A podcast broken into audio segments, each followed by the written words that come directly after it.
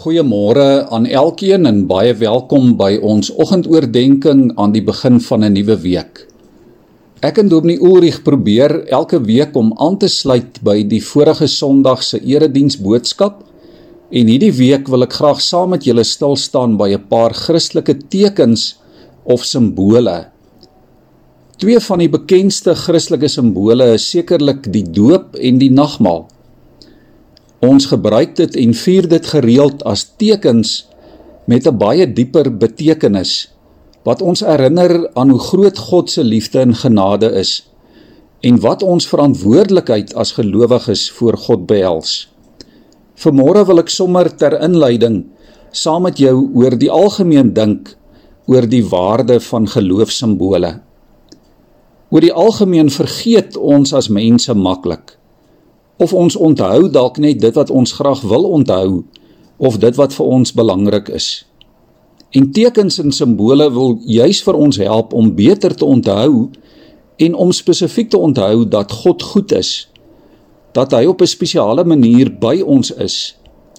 Simbole kan regtig ons lewens geweldig verryk en dit help ons om nie ons verwondering oor God te verloor nie. Omdat God juis weet hoe maklik ons vergeet, gee hy sedert die vroegste tye vir ons sulke herinneringstekens. In die Ou Testament was die besnydenis seker die belangrikste teken. Dink ook aan die tekens van die duif en die reënboog in Noag se tyd. Dink aan die wolkkolom en die vuurkolom tydens Israel se woestynreis. Ook die brandende doringbos met Moses se roeping die verskillende elemente en simbole in die tabernakel en in die tempel. Ag daar is nog honderde ander sulke voorbeelde. En liewe vriende, ons ken dit almal. 'n Spesifieke iets wat jou aan iets anders laat dink. 'n Spesifieke reuk wat jou aan 'n persoon of 'n ervaring herinner.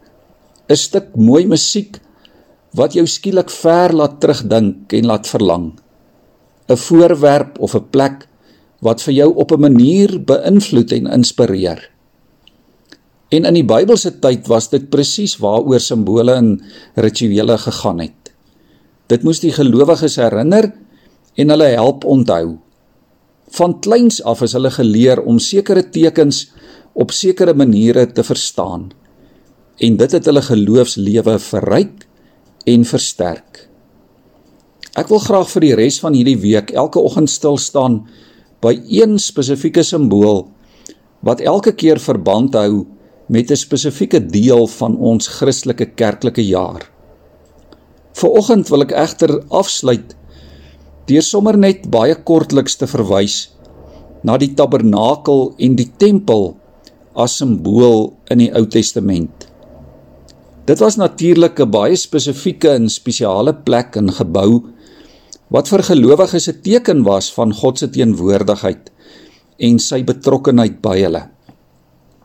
Elke keer wanneer gelowiges die tempel besoek het en in die verskillende elemente en simbole het hulle God op 'n spesifieke manier ervaar.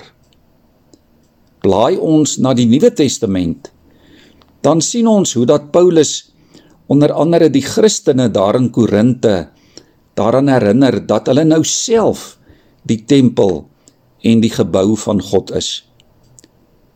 Ja Christene word self tekens en simbole van God in hierdie wêreld. En ons roeping is om die wêreld en mekaar die heeltyd te herinner aan wie God is. As ons dan hierdie week dink oor Christelike tekens en simbole wat ons wil help onthou, laat ons in die eerste plek dan altyd onthou dat ons self, elkeen, ook 'n simbool en 'n teken is van God se genade. Ek lees vir ons 1 Korintiërs 3 vers 16. Paulus vra: "Weet julle nie dat julle die tempel van God is?"